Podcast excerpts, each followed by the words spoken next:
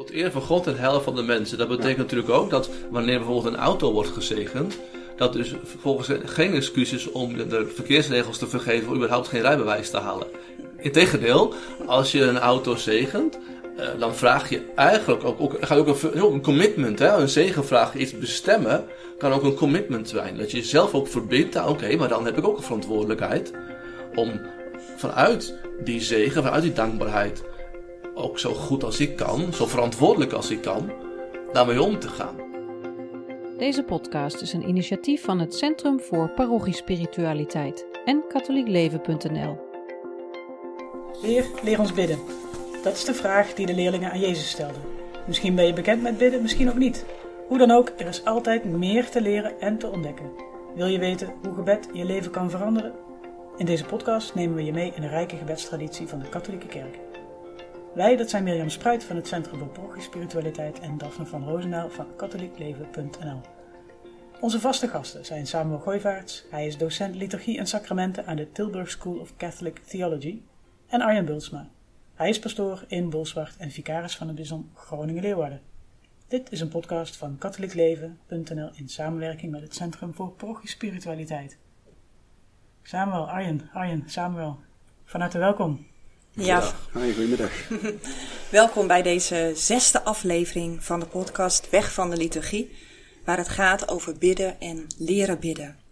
Uh, alle luisteraars natuurlijk ook van harte welkom.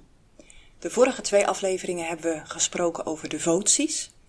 En deze aflevering en ook de volgende aflevering gaat het over diverse vormen van zegeningen. En Sam, jij wilde het heel graag hierover hebben. Uh, misschien maar de basisvraag: wat is een zegening en uh, waarom hebben we het inderdaad uh, hier vandaag over? Nou, ik denk dat we, dat het allebei heel graag over willen hebben, over Zeker. die zegeningen. Uh, wat is een zegening? Ja, luisteraars die al vaker deze podcast uh, geluisterd hebben, die weten dat ik dan graag teruggrijp naar waar komt het woord nu vandaan. Um, en om goed vat te krijgen daarop is het, is het handig om even te gaan kijken naar uh, de Latijnse oorsprong van het woord. Dat is benedicere, zegenen. En dan, dan hoor je bene, goed, en dicere, zeggen. Dus goed zeggen, iets goed zeggen. Uh, we zegenen natuurlijk in een specifieke context, als het hier gaat over uh, ons christelijk geloof. Uh, en dan is eigenlijk de zegen, en daarom vond ik hem ook zo belangrijk om, om te behandelen in deze reeks, is eigenlijk een beetje ja, de, de, de, de grondhouding, zou je bijna kunnen zeggen, van alles wat over liturgie en gebed gaat, um, omdat het ons net in die, helemaal in die dynamiek plaatst tussen God en mens. Wat we eigenlijk doen uh, bij, een zegen is het aanzeggen, het bemiddelen, zou je kunnen zeggen, van, um, van de goedheid van God, van Gods levengevende, um, heiligende, helende aanwezigheid, um, waarbij we uh, die uh, beroep mogen doen op die zegenende kracht van God, hè, hij is de bron van alle heiligheid, om, om die een stukje ja, uh, ervaarbaar te maken, om die toe te zeggen aan mensen, aan te zeggen aan mensen, te vragen aan God om uh, zichzelf kenbaar en tastbaar te maken in, in deze wereld. En dus een, een zegening uh, en het zegenen plaatst ons eigenlijk midden in, in wat liturgie is, in wat um, ja, onze relatie, of de relatie tussen God en mens kan zijn. Wat is dan de meest concrete of makkelijke vorm van, van zegenen? Uh, een, heel gemakkelijke vorm van zegen zou je kunnen zeggen is het maken van een kruisteken. Uh, dat is eigenlijk al een, een basis uh, om te zeggen in de naam van de Vader, de Zoon en de Heilige Geest. dan, dan roep je Gods naam aan. En, en dan zie je ook in de langere zegengebeden dat het kruisteken één van de gebaren is die je bij zo'n zegengebed ook kan maken. dus misschien is dat wel het. Ja, we kennen ook misschien allemaal wel het kruisje voor het slapen gaan. Dat ouders of grootouders aan hun kinderen geven. Een heel eenvoudig gebaar. Maar die iets uitdrukt van, um, van het goede dat je die persoon toewenst. Hè, het goed zeggen. Um, een stuk van overgave aan, aan Gods uh, reddende, uh, helende aanwezigheid. En denk ook een element van dank zeggen. Zegen heeft ook een zegenvraag of een zegen uitspreken heeft ook altijd iets te maken met dank zeggen aan God. Van je weten dat hij ook uh, ja, uiteindelijk, of om te beginnen, de gever is van alle goed. Dus je kunt eigenlijk ook een zegening niet loszien van een, een, een diep scheppingsgeloof. En, is misschien dus ook het, het, leren uh, zegenen. Ook, ook als het ware een, een, steeds weer een inoefenen van, van een diep besef. Ja, wij zijn gekregen. Wij zijn een, wij zijn een cadeau. De mensen om ons heen zijn een cadeau. En ze zijn ook per definitie een goed cadeau, omdat ze uit, uit Gods hand komen. Benedicere, het goede zeggen, kan dan ook, ook, ook doen, doen denken aan, aan God zelf, die de, even maar, zeg maar de algoede is. Uh, dus ook, ook als het ware God tegenwoordig roepen.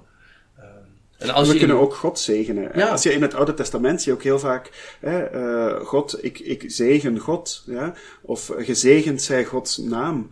Ja? In die zin is het dan meer zegenen als dankzeggen, als lofprijzen, ja. ja. als, als aanbidden van God. Ja? Um, en, en, dus in die zin zie, zie je hier echt een, een dynamiek tussen mensen en God. God die de mens zegent, die het goede wil voor ons, en wij die als antwoord daarop um, niet alleen elkaar ook kunnen dat goede toewensen van, van Gods wegen, uh, maar ook God zelf kunnen uh, terug zegenen, terugdanken en prijzen. En heeft het daarom ook te maken met, met bidden, omdat het uh, eigenlijk in die dialoog met God gaan staan is? Zegen is een vorm van gebed, waarbij we ja, vragen en danken en lofprijzen, omdat we weten dat God voor ons een zegen wil zijn, dat wij ook vanuit die zegen weer een zegen voor anderen kunnen zijn. Het heeft ook altijd weer een. Het is heel relationeel. Het, het plaatst ons altijd weer midden in de relatie met God, met de naaste, in zekere zin met onszelf. Um, dat, dat benedieren, dat is ook altijd Kijk, ik vind het wel eens nuttig om even over na te denken, wat is het tegenovergestelde van zegenen? Nou, als zegenen het goede zeggen is, het goede willen, want dat is natuurlijk tegelijkertijd, dan is dus het tegenovergestelde het niet goede willen. Dat heeft dus een, een vloek, hè? een zegen en een vloek, zeggen ze wel eens als tegenovergestelde. En dan, dan krijg je dus, ook om, om wat scherp te krijgen misschien, dat ja, daar waar je vloekt of vervloekt, daar wil je eigenlijk gewoon iemand helemaal niet zien. Daar wil je iemand helemaal niet hebben. Die, die wens je gewoon niet. En wens je dus ook zeker niet het goede. Dat is eigenlijk een hele kwalijke zaak. Voelt iedereen aan. Niet christelijk. Nee, nee het is volstrekt niet christelijk. dat doen we dus niet. Nee, en dus zegen is het precies tegenovergestelde tot de uitdrukking brengen. Dat je juist wel gewenst bent. Dat, je, dat we dank voor je zeggen. Um, ja, ik moest altijd even denken aan de, de huidige best wel actuele theoloog eh, Thomas Halika uit Tsjechië, die dan over liefhebben spreekt in termen van, ja, als je iemand echt lief hebt, dan wil je dat die persoon is. Nou, een zegen heeft heel veel daarmee te maken. Ik wil dat jij bent. En als je dus God zegent, dan kun je natuurlijk niet willen dat God er is. God is er wel. Maar in overdrachtelijke zin heeft het natuurlijk wel betekenis. Ik wil dat, dat ook jij, God, deel bent van mijn leven. Dat je ook, um, ja, ook, ook daar een, een, rol in mag spelen. Dat je, dat God ook de ruimte geeft. En tegelijkertijd ook God vraagt om om ook, als, je, als je iemand een zegen toewenst, zeker als het over personen gaat, is dat natuurlijk ook een uitdrukking van: ik wil dat jij bent, ik wil dat het jou het goede, goede gebeurt. En dat is, een hele wezenlijke, denk ik, intuïtie van mensen die lief hebben, die, die het beste wensen. En daar past de zegen volmaakt bij. En het, het, mooie van uh, het zegenen is, want dat lijkt nu heel verheven, het is een dynamiek tussen God en mens, en, en, uh, of, of heel intellectueel, het goede zeggen. Maar eigenlijk is zegenen net iets heel tastbaar. Um, gaat het ook over, um, ja, over niet alleen onze menselijkheid, maar ook, zoals eh, Arjen, je verwees al even naar de schepping. Heel de schepping is ook betrokken. Kijk in het boek Genesis. Ja, als God uh, de dingen schept, dan zegent Jullie zijn gezegend. Ja, iets dat ons aangezegd wordt van God, uh, maar ook iets dat heel concreet, heel tastbaar is. En dat zie je dan ook in de liturgie van de zegeningen, die, die eigenlijk altijd plaatsvindt naar aanleiding van ofwel hele concrete gebeurtenissen, gebeurtenissen of hele tastbare dingen, um, hele gewone dagdagelijkse voorwerpen ook. Ik denk ook dat het idee van, van, van bidden middels, ook middels zegeningen hele oude papieren heeft. Uh, we weten uit de Joodse huisliturgie eigenlijk heel veel zegeningen zijn. Trouwens, dat geldt voor de tempelliturgie vroeger denk ik ook. Dus dat brengt ons ook helemaal meteen bij Jezus zelf, die natuurlijk ook Joods was. En in die in, in, die, in die wereld en die manier ook geleefd en geloofd heeft, om maar zo te zeggen. Um, dus het heeft hele, hele oude papieren, ook vanuit de Bijbel, vanuit het Oude Testament, om, om God te zegenen. En vanuit dat, uit dat geloof in God, in dank voor God, ook anderen die zegen toe te wensen. Waarbij dan ook zegen in sommige gevallen niet alleen maar dankzeggen is, maar ook het bestemmen. Als wij in de kerk bijvoorbeeld een altaar zegenen, dan is dat ook om daarmee tot uitdrukking te brengen de, deze, deze steen of deze tafel van hout of wat er van gemaakt is, is nu geen keukentafel meer. Die, dit is nu bestemd voor alleen de vieringen van, van de Augustie en wat daarmee verbonden is. Ehm, maar dat geldt bijvoorbeeld ook als je een huis zou zegenen. Ehm, dan is dat in feite ook een bestemmen van dat gebouw tot een huis. Maar dan niet zomaar als een, zoals als een huis, maar ook als een werkelijk thuis. Voor de mensen die daar wonen, voor die mensen die er ook, ook daar met God willen zijn en elkaar tot zegen. Maar in het, in het gebed zul je ook altijd merken dat het vervolgens ook verbreed wordt naar alle mensen die als gasten of anderszins aan de deur komen, ook die zegen mogen ervaren. Dus er zit, er zit altijd ook, of er kan altijd, er kan een element van bestemmen. Dus ook als je een voorwerp zegent, dan is het altijd ten dienste van de mensen die dat voorwerp gaan benutten of En voor een goed gebruik. Hè? Voor, Ja. voor, en, en, en een goed gebruik wil zeggen dat je iets ook echt ehm, gebruikt waarvoor het gemaakt is of geschapen is. En uiteindelijk, vanuit een christelijke visie, eh, vanuit een bijbelse visie, wordt alles gemaakt en geschapen ter ere van God. Hè? Dus dat je ook zoveel mogelijk ehm, niet alleen zomaar een bestemming geeft, maar een goede bestemming. Ja, tot, tot eer van God en heil van de mensen. Dat betekent natuurlijk ook dat wanneer bijvoorbeeld een auto wordt gezegend, dat dus volgens geen excuus is om de verkeersregels te vergeven om überhaupt geen rijbewijs te halen.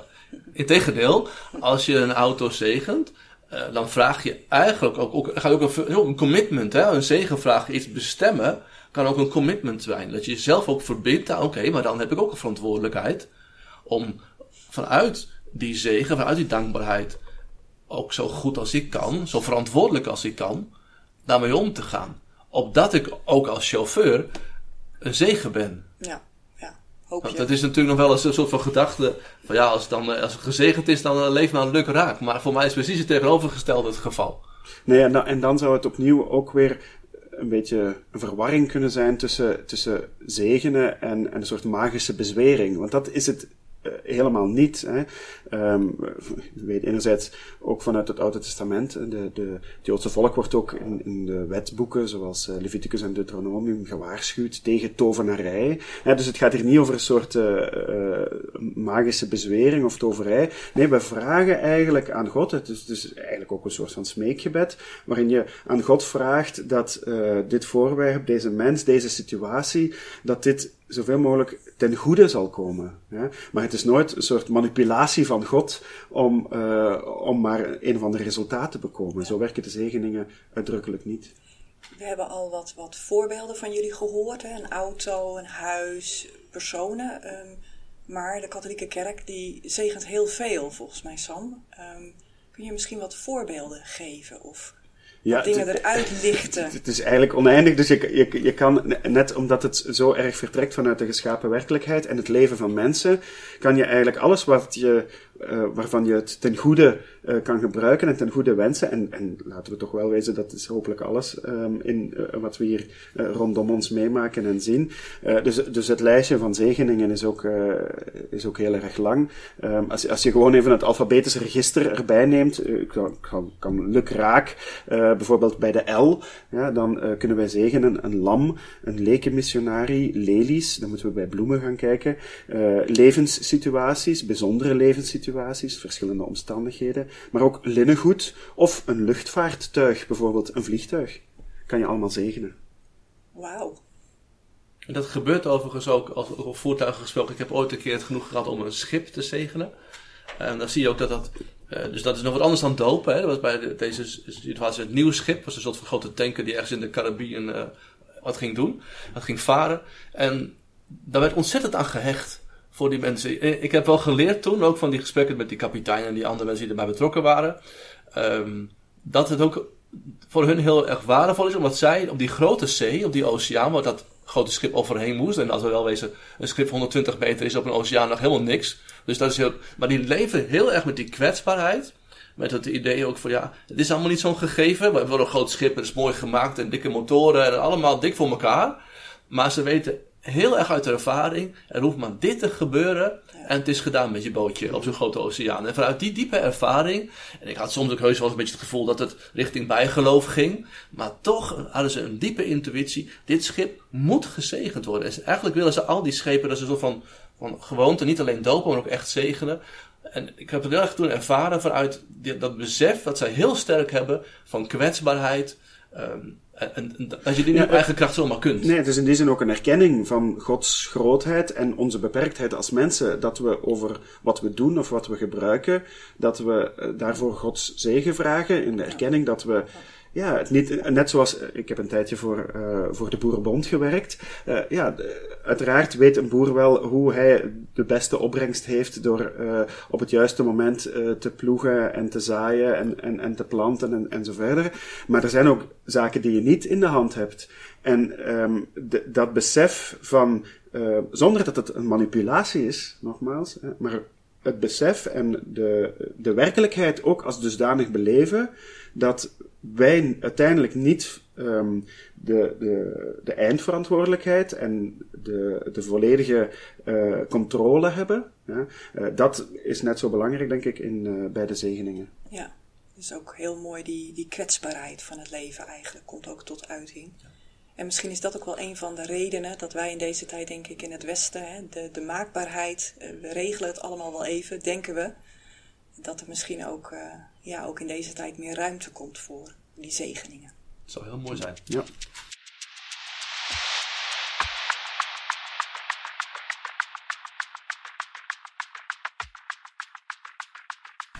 Als we willen leren bidden, is het interessant om van andere mensen te horen hoe zij dat doen. Ook deze keer hebben we iemand gevraagd: Wanneer bid jij? Hoe doe je dat? En vind je het makkelijk om tijd ervoor te maken of vind je dat lastig? Dus bidden. Hoe doe jij dat? Uh, dus eerst mezelf een beetje voorstellen. Ja, de vader dan... van. Dat mogen we niet vergeten. De vader oh, van. de vader van, ja, goed. Uh, goed, ik ben uh, Jan Gooivaerts. Ik ben geboren in 1959 in Wilrijk bij Antwerpen. En ik ben eigenlijk mijn hele schooltijd lid geweest van het Antwerpse kathedraalkoor.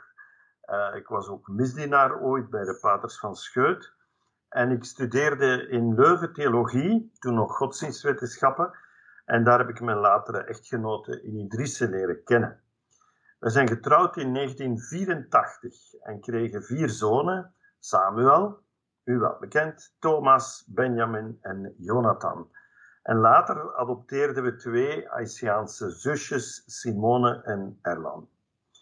Innie en ik waren heel erg geëngageerd in de parochie, in de vormsel, catechese, in jeugd- en kinderliturgie.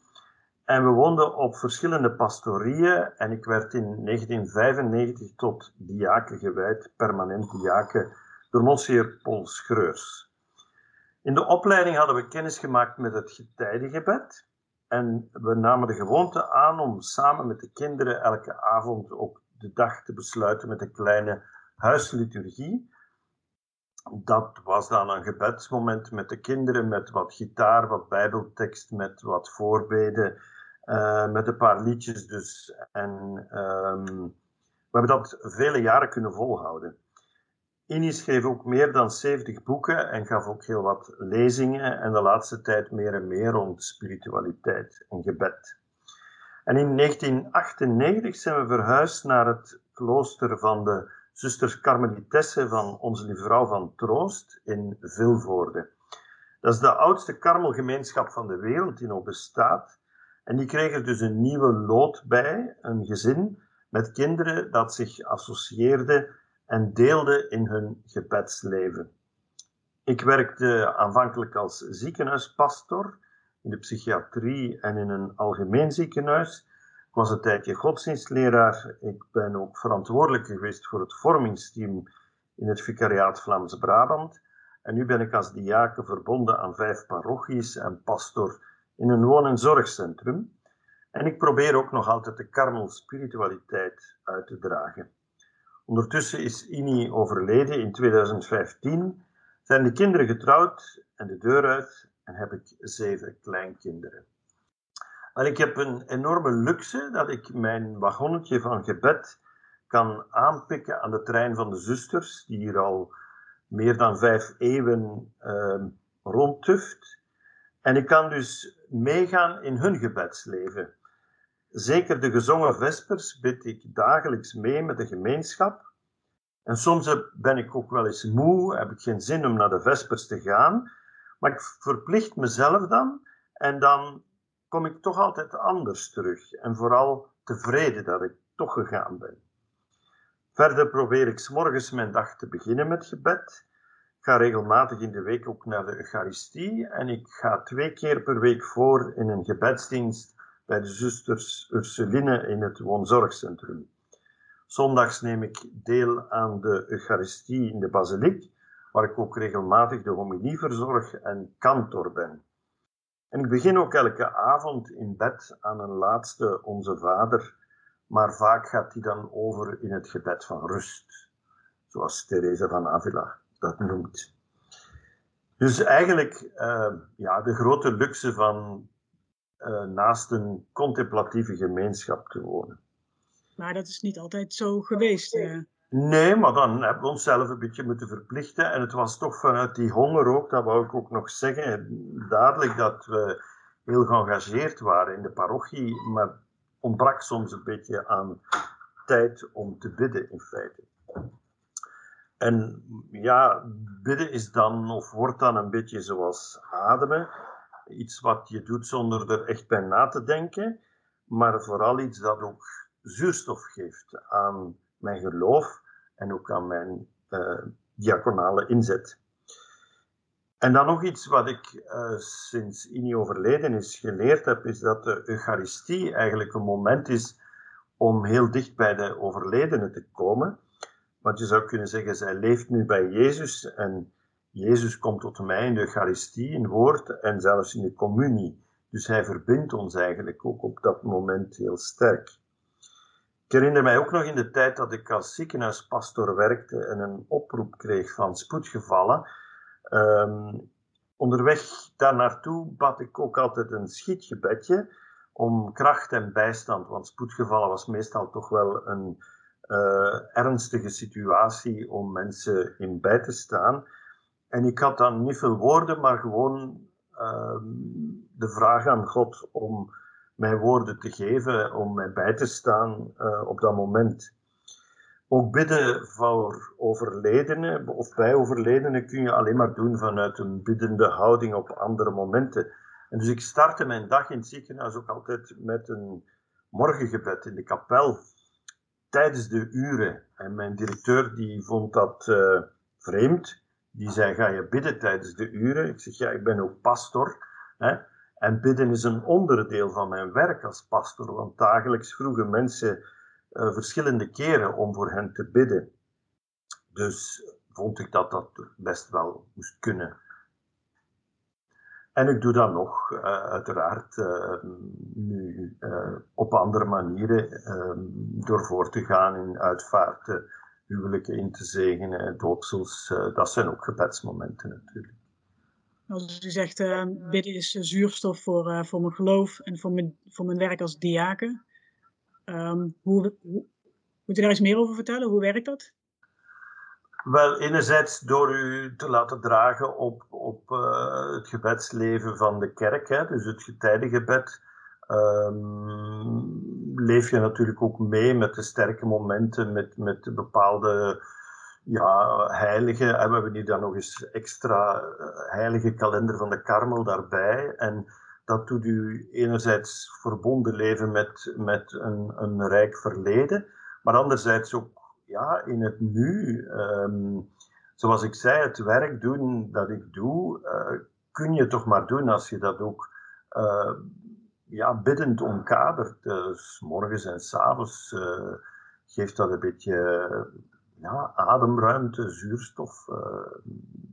Maar je zei net ook al, want het is niet altijd zo eenvoudig geweest om gebed in te passen in het leven.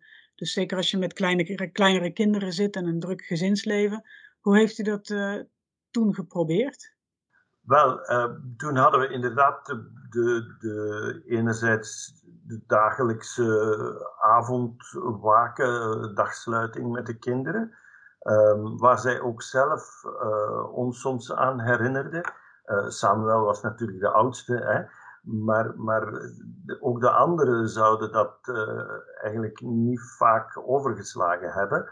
Um, er was ook een klein ritueel. Iemand was koster, dat was degene die de kaars mocht aansteken en uitblazen. En, en zij hielden dat wel bij, wie, wiens beurt het was. Dat was ook een moment om, om hun dag een beetje te bespreken soms. Uh, ik, ik bid voor die of die in de klas, of dat of dat, dat er gebeurd is. Zo. Dus dat was eigenlijk ook een stuk verbondenheid in het gezin. Um, later, toen we dan hier kwamen wonen en de mogelijkheid hadden bij de zusters te gaan, bleef dat soms natuurlijk dat iemand uh, van de kinderen een vraag had rond huiswerk of rond iets opzoeken of iets te doen. En als dat dan net was, als je wou vertrekken naar het gebed, ja, dan stond je natuurlijk voor de keuze, maar dan was de keuze eigenlijk voor de kinderen, voor het gezin. Hè? Wel met de afspraak van misschien kun je dat volgende keer een half uurtje vroeger vragen. Hè? Um, dus, maar dat verlangen was er altijd. En, en wat ook heel mooi was, dat was dat de zusters ook ons meedroegen.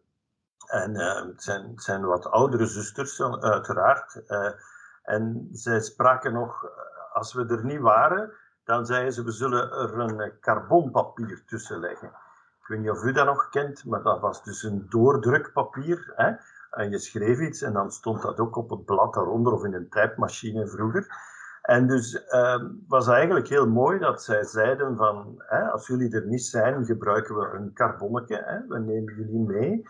Um, als we er wel zijn, vonden zij dat dat ook voor hen een uitnodiging was als contemplatieve om ja, daar mensen uit de wereld mee te betrekken en, en maakte van hen betere karmelitessen, vonden zij toch. En wij anderzijds ja, probeerden ook een stuk venster te zijn op de karmel. Uh, enerzijds de karmel naar buiten te brengen, maar ook uh, een beetje de wereld binnen te brengen in de karmel, met de kinderen, met, met wel en wee van het leven in, in, in de wereld eigenlijk. Dus uh, het is toch altijd een sterke verbondenheid geweest. Zo, uh...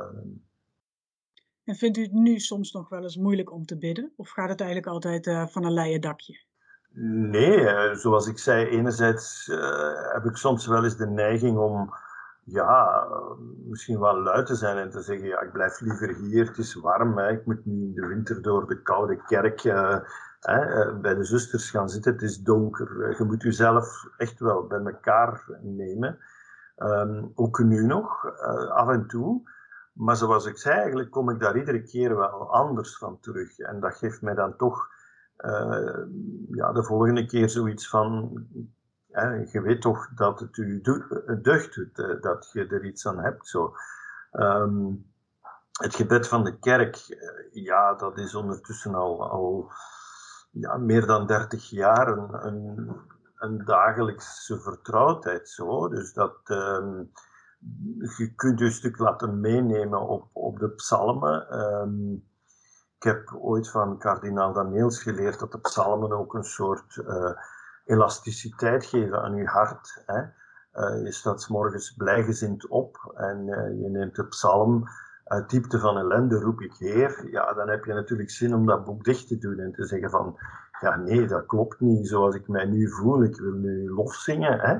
Niks belet u om dat te doen natuurlijk, maar anderzijds kun je dan zeggen van oké, maar er zijn misschien wel wat mensen die nu in, in diepte van ellende zitten en die wil ik dan maar meedragen in, in dit moment zo. Dus uh, die psalmen geven inderdaad dat uw hart uh, wat elastischer wordt zo en dat u maar anderzijds ook uh, geven die uitdrukking soms aan, aan gevoelens, aan dingen die je, die je zelf niet kunt verwoorden. Hè? En, en dan zijn de psalmen er om, om daar taal te geven aan dingen soms. Um, anderzijds ook de liturgie, het, het, het liturgisch gebed, uh, ofwel de Eucharistie of de gebedsmomenten die ik voorga, ja, die, die zijn ook altijd zo rijk aan, aan inhoud, aan, aan, ja, aan, aan, aan voedsel. Uh, dus in die zin kun je dat op den duur niet meer missen. Maar uh, ja, het wordt toch een beetje eh, een, een vanzelfsprekendheid uh, door, door de herhaling, door het veel te doen, door het ja, op sommige momenten misschien wel wat te verplichten, maar um, wordt het een deel van jezelf gewoon. En als u nou aan mensen die helemaal niet gelovig zijn, uh, die helemaal niet vertrouwd zijn met, met bidden, zou moeten uitleggen wat bidden is?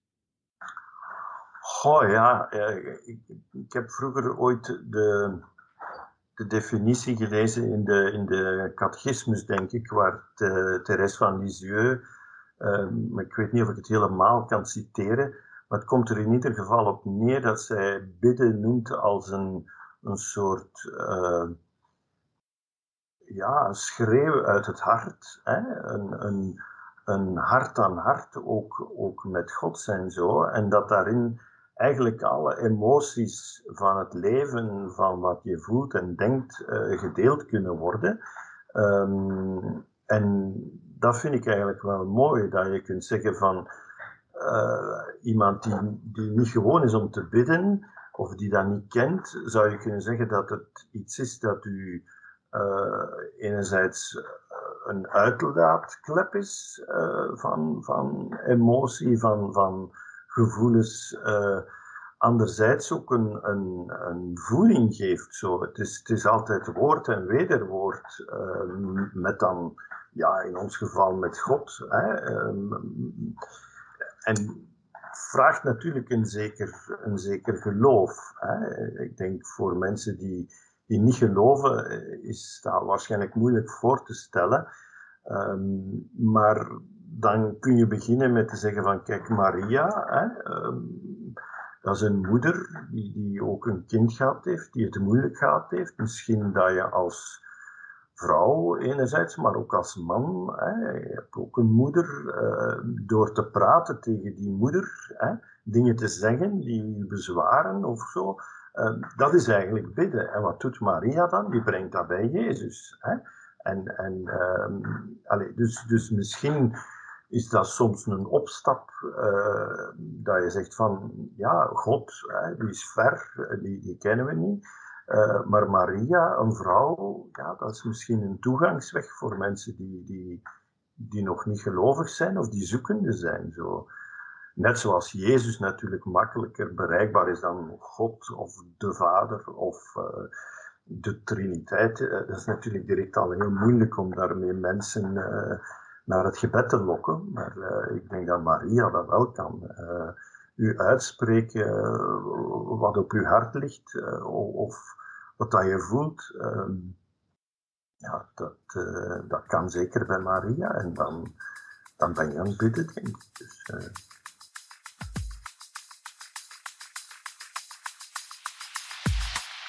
Jullie hebben al een aantal dingen verteld over zegeningen. Um, wat mij daarvan uh, daarin opvalt is dat, het heel erg te maken heeft met de, ook de, de afhankelijkheid um, die je hebt ten opzichte van, van God en het leven erkennen. Eh, Arjen, je vertelde over het hele grote schip dat op de oceaan dan toch eigenlijk maar een heel klein dobberbootje is. Um, als het nu gaat om, om, om, een eigen ervaring met, met een zegening, is er dan iets uh, wat je hebt meegemaakt wat er heel erg, heel erg veel indruk op je heeft gemaakt, Arjen? Nou ja, ik heb natuurlijk op allerlei manieren op mijn eigen wijdingen als diaken en priester waren natuurlijk in feite ook zegeningen. En die hebben zeker indruk gemaakt. Maar um, zoals ik vaak doe, is terug naar het gewone en alledaagse. Ik denk dat die, die ervaring van kwetsbaarheid, van afhankelijkheid, al tot uitdrukking komt wanneer je oprecht ook de maaltijd begint met wat dan katholiek heet de tafelzegen, bidden voor het eten. Omdat als je daar even bij stilstaat, je kunt bedenken dat dat wat daar op tafel staat, je bent er zelf van de supermarkt geweest, je hebt er zelf voor gewerkt, weet ik allemaal wat, je hebt zelf zitten koken of, of misschien wel zelfs je eigen brood gebakken, maar niet te min, hoe je het ook hebt. Er zijn zo ontzettend veel mensen betrokken bij, bij de producten produceren die jij mag tot je nemen, waar je mag, mag leven. Um, ik, zeg al wel, bijvoorbeeld als je bij, alleen al een brood bij gaat stilstaan, daar is over de hele wereld over samengewerkt. Hè? Een wereld waarbij, uh, overigens, als je die mensen los bij elkaar zet, maken ze meteen ruzie. Maar op een of andere manier lukt het dan toch om de olie of de energie voor de oven daar en het metaal voor de oven ergens anders. Nou, denk aan het graan, hè? het graan dat zomaar weer groeit. Andere, er worden heel veel offers gebracht voor, voor ons voedsel. Er worden heel veel mensen worden ingezet. Er is heel veel samenwerking nodig. En dat lijkt vanzelfsprekend, maar is het niet. En dat is werkelijk een cadeau dat we dat. Hè? Nou, misschien gaan we het binnenkort wat meer gaan ervaren, omdat de energie momenteel wat een thematiek is geworden, maar niet te min. Er is heel veel wat we als vanzelfsprekend tot ons nemen. Voedsel voorop tegenwoordig is niet zo vanzelfsprekend. En juist als we dat een tafelzegen kunnen uitspreken, kunnen bidden en danken voor het eten, is het iets heel gewoons, is het heel alledaags. En dan komt toch dat hele bijzondere daarvan even weer aan het licht.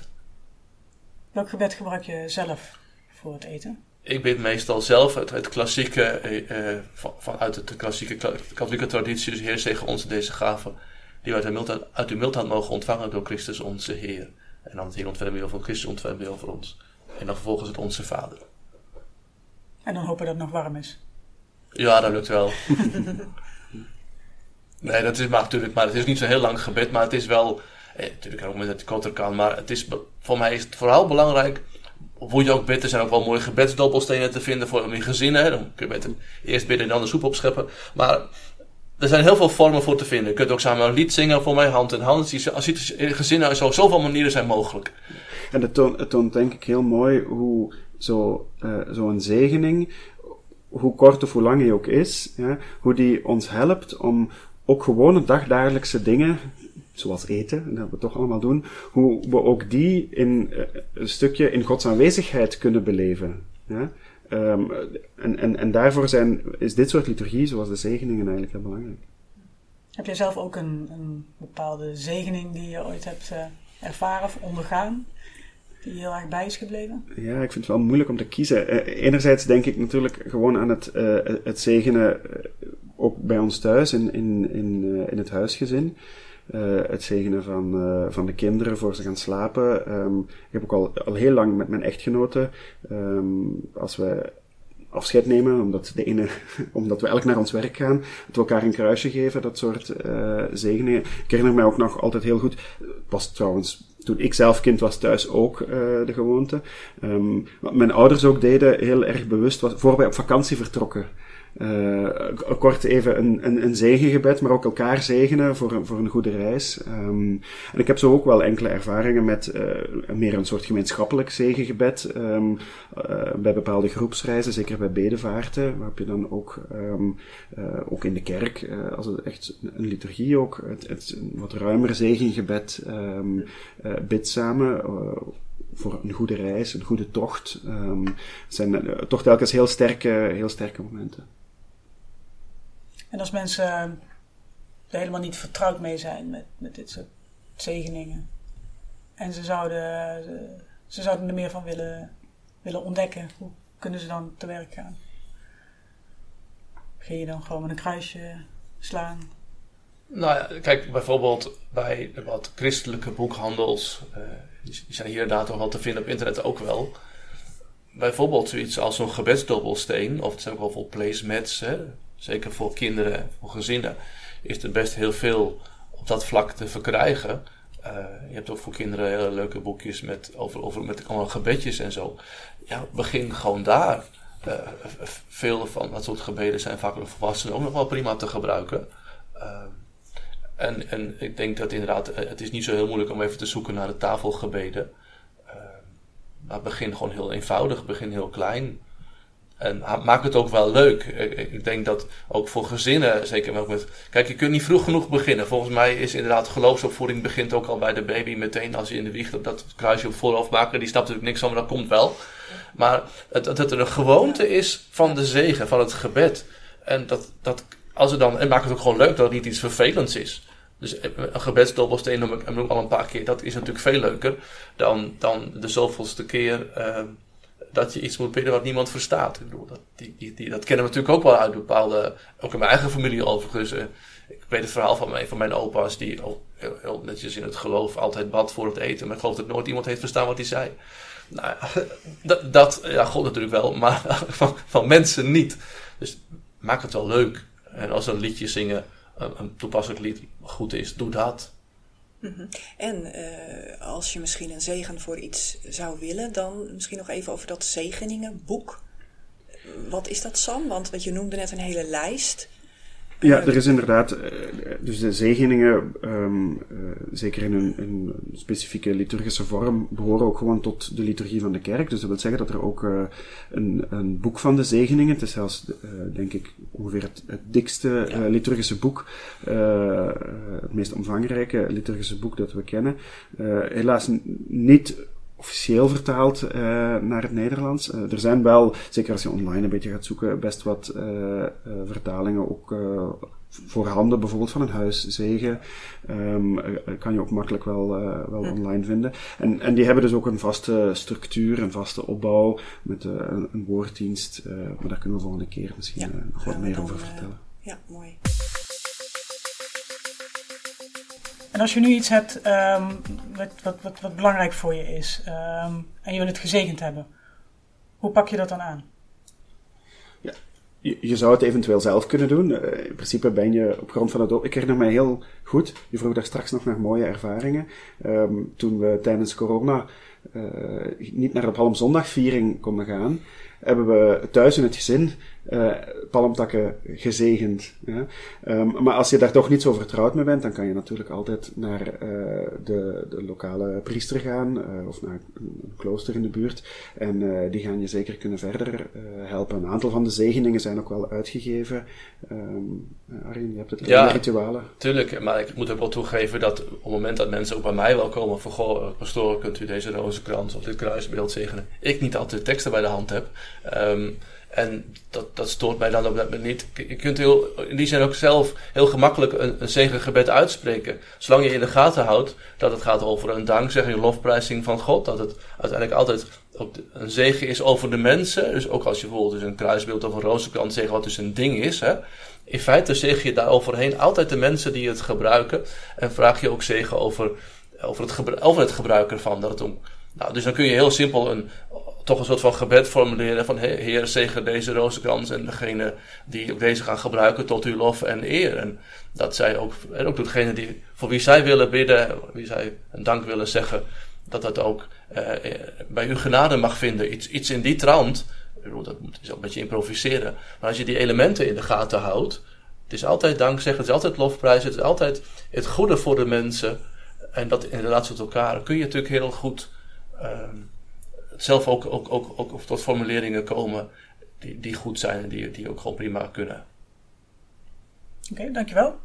Um, graag tot uh, de volgende keer bij deze podcast. Dan is het de allerlaatste aflevering waarin we het nog een keer gaan hebben over uh, zegeningen. Uh, we hebben nu al veel gehoord over wat zegening is en waarom het ook um, bij, bij bidden hoort. Um, en de volgende keer gaan we daar nog wat verder op, op in, hebben jullie gezegd. Dus we zijn benieuwd. Maar eerst nog even dit. Zuster Angela Holleboom is abdis van de Clarisse in Negen. En zoals elke keer sluiten we deze podcast af met een van haar tips. Het leven van haar en van haar medezusters bestaat helemaal uit gebed. En dit is haar tip 6 van 7. De zesde gebedstip. Bidden met het kerkelijke jaar. Het kerkelijke jaar begint met de advent en vervolgt dan met de kersttijd, een paar zondagen door het jaar de veertig dagen tijd en de paastijd tot en met Pinksteren en reikt dan met hoogfeesten en zondagen door het jaar naar uiteindelijk Christus Koning, de laatste zondag van het kerkelijk jaar. En daarna begint dan weer een nieuw kerkelijk jaar, wat opent met de Advent. Ook het kerkelijke jaar heeft, net als het getijdengebed, iets van de levensloop in zich. Het begint met de Advent, een tijd van verwachting en uitzien naar. Het rijk van God mag dan al onder ons zijn, maar het is er ook nog niet. We hebben veel te hopen en te verwachten in ons eigen leven en ook in onze wereld. Breng alles in gebed voor God, in de verwachting dat Hij zal komen om te redden en te verlossen. Dan volgt de kersttijd, tijd van vreugde om de geboorte van de Messias midden onder ons. Een tijd om van te genieten. Pluk de bloemen die deze tijd doet bloeien. En laat je troosten en verwarmen door de blijde boodschap dat God met ons is. Na een paar zondagen door het jaar volgen dan de veertig dagen tijd en de paastijd. Jezus wordt naar de woestijn gedreven en daar gedurende veertig dagen en nachten op de proef gesteld. Een tijd van onthouding, bezinning en loutering die uitloopt op zijn zelfgave in de dood. Maar God laat hem niet over aan de dood. Hij doet hem opstaan tot leven op de derde dag, onze paasdag. En daarmee wordt alles anders komt alles in een nieuw licht te staan. We vieren Pasen gedurende vijftig dagen. En de laatste dag is Pentecoste, de vijftigste dag, Pinksteren, de dag van de uitstorting van de geest en het begin van de kerk. En dan na Pinksteren komen nog een paar hoogfeesten die aspecten van Jezus leven en Jezus zijn bijzonder uitlichten. En dan volgt een hele reeks zondagen door het jaar, de gewone tijd door het jaar, die uitloopt op een bezinning over ons einde. Denk aan alle heiligen en alle zielen. Over het einde van de wereld. En tenslotte het feest van Christus, koning, koning over het heelal viert. En die, die laatste zondagen die zo gaan over het einde van de tijden en over de eindigheid van ons eigen leven, die roepen ook weer het verlangen op naar een nieuw begin. En dat volgt dan ook weer de overgang naar de advent van het nieuwe kerkelijke jaar. Verlangen naar een nieuw begin, uitzien naar de geboorte van God in onze wereld. Probeer eens een bepaalde tijd van het kerkelijke jaar in het bijzonder te volgen en maak aantekeningen van je ervaringen gedurende die tijd. Schrijf teksten die je bijzonder aanspreken over en leer de mooiste of betekenisvolste daarvan uit je hoofd. De Engelsen zeggen dat veel raken, learn by heart. Maak je deze teksten eigen als voedsel voor je hart, een schat voor onderweg, waar je altijd op terug kunt vallen, wanneer of waar dan ook. Deze podcast was een initiatief van het Centrum voor Parochiespiritualiteit en katholiekleven.nl. Bedankt voor het luisteren. En luister ook onze podcast Weg van de Liturgie seizoen 1, die gaat over het vieren van de Eucharistie. Je vindt hem via katholiekleven.nl en in je favoriete podcast-app.